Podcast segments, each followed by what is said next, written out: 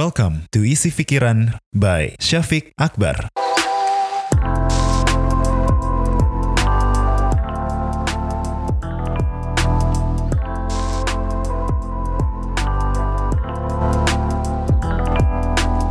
Hai everyone, akhirnya setelah sekian lama aku take podcast lagi. Dan ya, seperti judulnya ya, isi pikiran ini emang lagi kepikiran aja begitu. Jadi, berapa hari terakhir ini Aku dan Za lagi nonton drama yang sedang populer ya. Yaitu startup dan sebenarnya seru sih gitu Karena sekarang kan memang startup tuh lagi Maksudnya startup dalam dunia bisnis kayak gitu ya.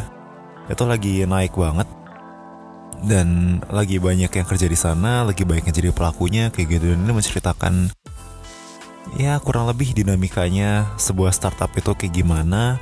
Dan bahkan bisa dibilang step by stepnya juga kayak seakan diajarkan melalui drama ini kayak gitu. Di samping ada cinta-cintaannya kayak gitu ya tentunya seperti halnya drakor-drakor lainnya. Tapi satu hal yang benar-benar membuatku kepikiran. Jadi ketika aku take ini aku baru nonton sekitar 5 episode ya. Dalmi sama Dosan Ya itu dia baru masuk sandbox Terus habis itu dimentorin sama Ji Pyong Dan sejauh ini satu hal yang nyangkut banget di aku itu adalah Momen ketika si Ji Pyong itu bilang ke Dosan Kalau misalnya mau sukses company-nya Ya lo nggak bisa jadi CEO-nya cari orang supaya jadi CEO gitu. That's the first thing you need to do when you enter sandbox. And I think that's interesting how si dosan ini sebenarnya kan udah bikin perusahaan dari awal gitu ya, didukung sama bapaknya sampai ya di ultimatum segala macam juga dosan yang menghadapi kayak gitu ya, terus dibantu sama teman-temannya kayak gitu dan dia yang tahu segala teknologi di dalamnya, dia yang bikin dari awal gitu. Tapi justru dia harus step down kayak gitu dan memberikan ruang untuk orang lain mengelola dia dan rekan-rekannya kayak gitu.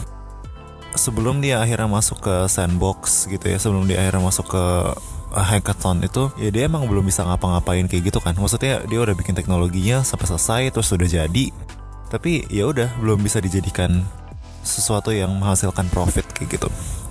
Dan ketika akhirnya masuk sandbox dipimpin oleh si Dalmi, akhirnya barulah pitching mereka berhasil. Terus akhirnya beneran bisa masuk sandbox dan lain-lain kayak begitu. Despite segala kisah romantisnya yang tidak perlu kita bahas di sini ya. Tapi itu bener-bener nyantol karena aku relate dalam arti aku sadar bahwa ya meskipun kita pengen memimpin kayak gitu ya mungkin kita punya jiwa kepemimpinan yang membara berapi-api kayak gitu. Terus kita punya rasa memiliki terhadap sesuatu gitu sehingga kita rasanya pengen banget untuk kita yang mengelola gitu kita yang ngatur kita yang ngarahin. Because we think we know best gitu. Tapi kadang sebagai orang di posisi itu ya kita juga harus bisa ikhlas. Seperti halnya si dosan yang rela dia dipimpin oleh si Dalmi yang bahkan teman-temannya bilang dia nggak lulus SMA eh nggak lulus SMA nggak lulus kuliah gitu ya nggak ikut nggak masuk universitas dan tidak layak kayak gitu. Poin pertama adalah karena bisa jadi despite kualifikasinya dan segala macam despite faktor-faktor teknis kayak gitu ya seperti halnya kayak catatan prestasi lah kuliah dan segala macam. Tapi juga bisa jadi orang lain punya kapabilitas lebih daripada kita yang justru bisa mendorong kita untuk lebih maju gitu. Lebih maju dibanding kita yang memimpin orang tersebut atau memimpin di momen itu gitu.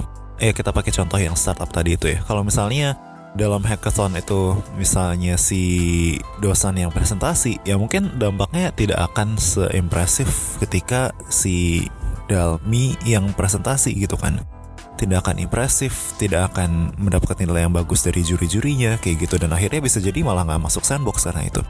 Karena ya ternyata dia punya kemampuan meyakinkan orang yang lebih baik daripada si dosan kayak gitu kan.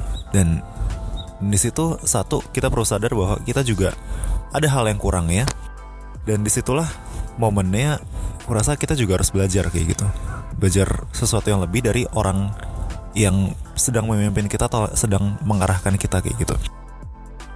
memang seperti halnya si dosen gitu ya semua punya kemampuan masing-masing semua punya kapabilitas lebihnya masing-masing si dosen tentunya dalam hal programming itu sangat luar biasa gitu ya dalam hal machine learning itu tapi ya dia perlu belajar bagaimana cara ngatur man management kemudian public speaking dan lain-lain.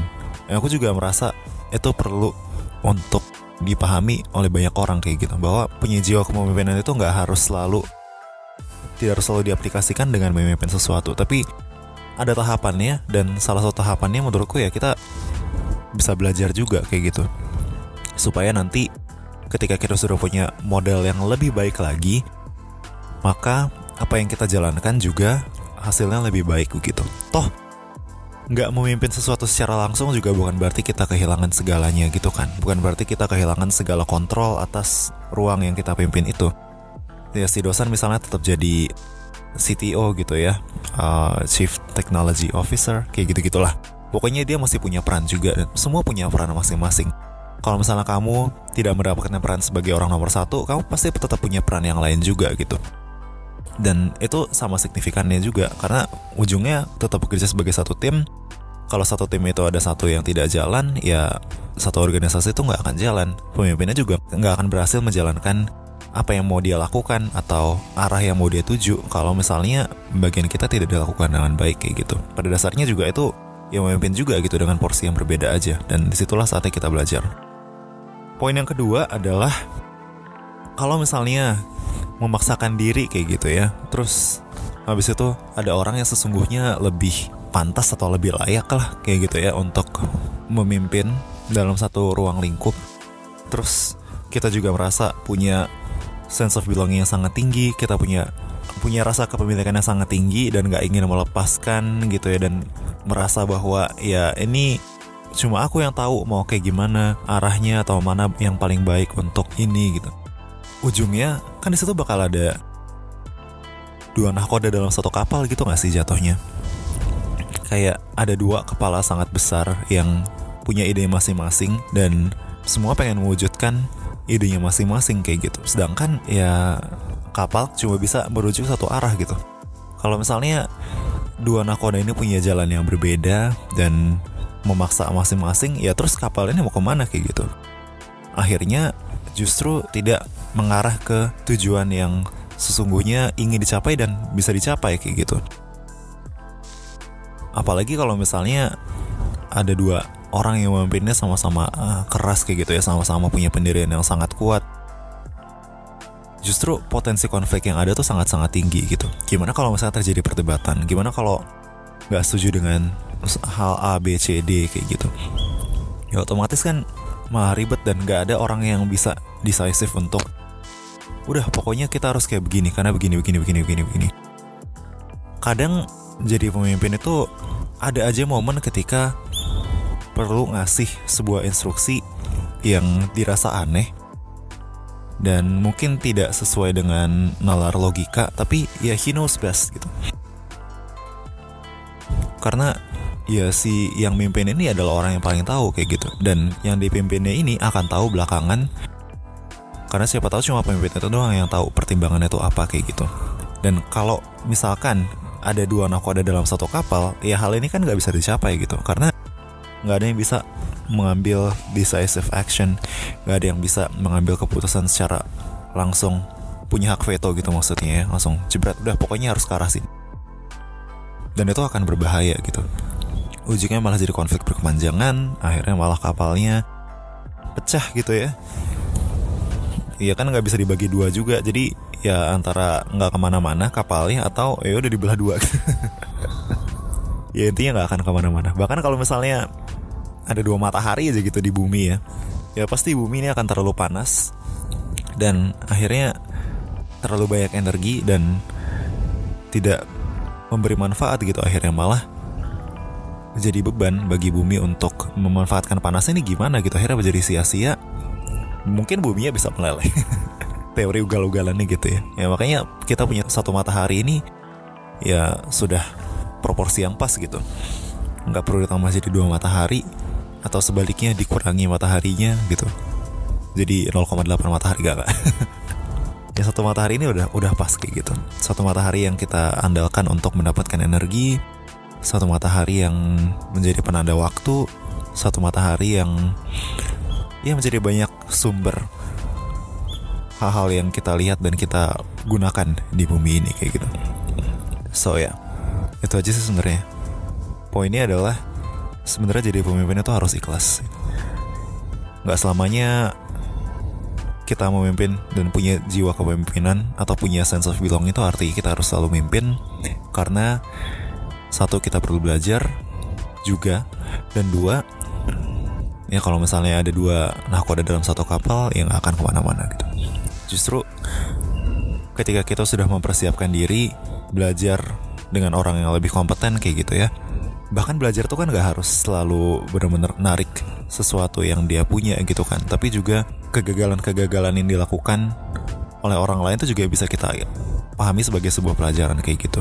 Dan itu nggak akan kita dapatkan kalau ya kita tidak mau dipimpin juga dan nggak mau belajar kayak gitu ketika kita udah belajar udah mau persiapkan diri kita punya modal lebih baik dan harapannya tentunya apa yang mau kita capai apa yang mau kita tuju nantinya justru bisa lebih baik dan lebih optimal tercapai ya kayak gitu. Allah alam sih, nggak ada yang tahu juga gitu. Dan semua orang punya cara belajar yang masing-masing, but I think yeah this might work too, at least for me. And I can relate on certain point bahwa saat ini bukan saatnya aku sepenuhnya memimpin, tapi harus banyak belajar dulu.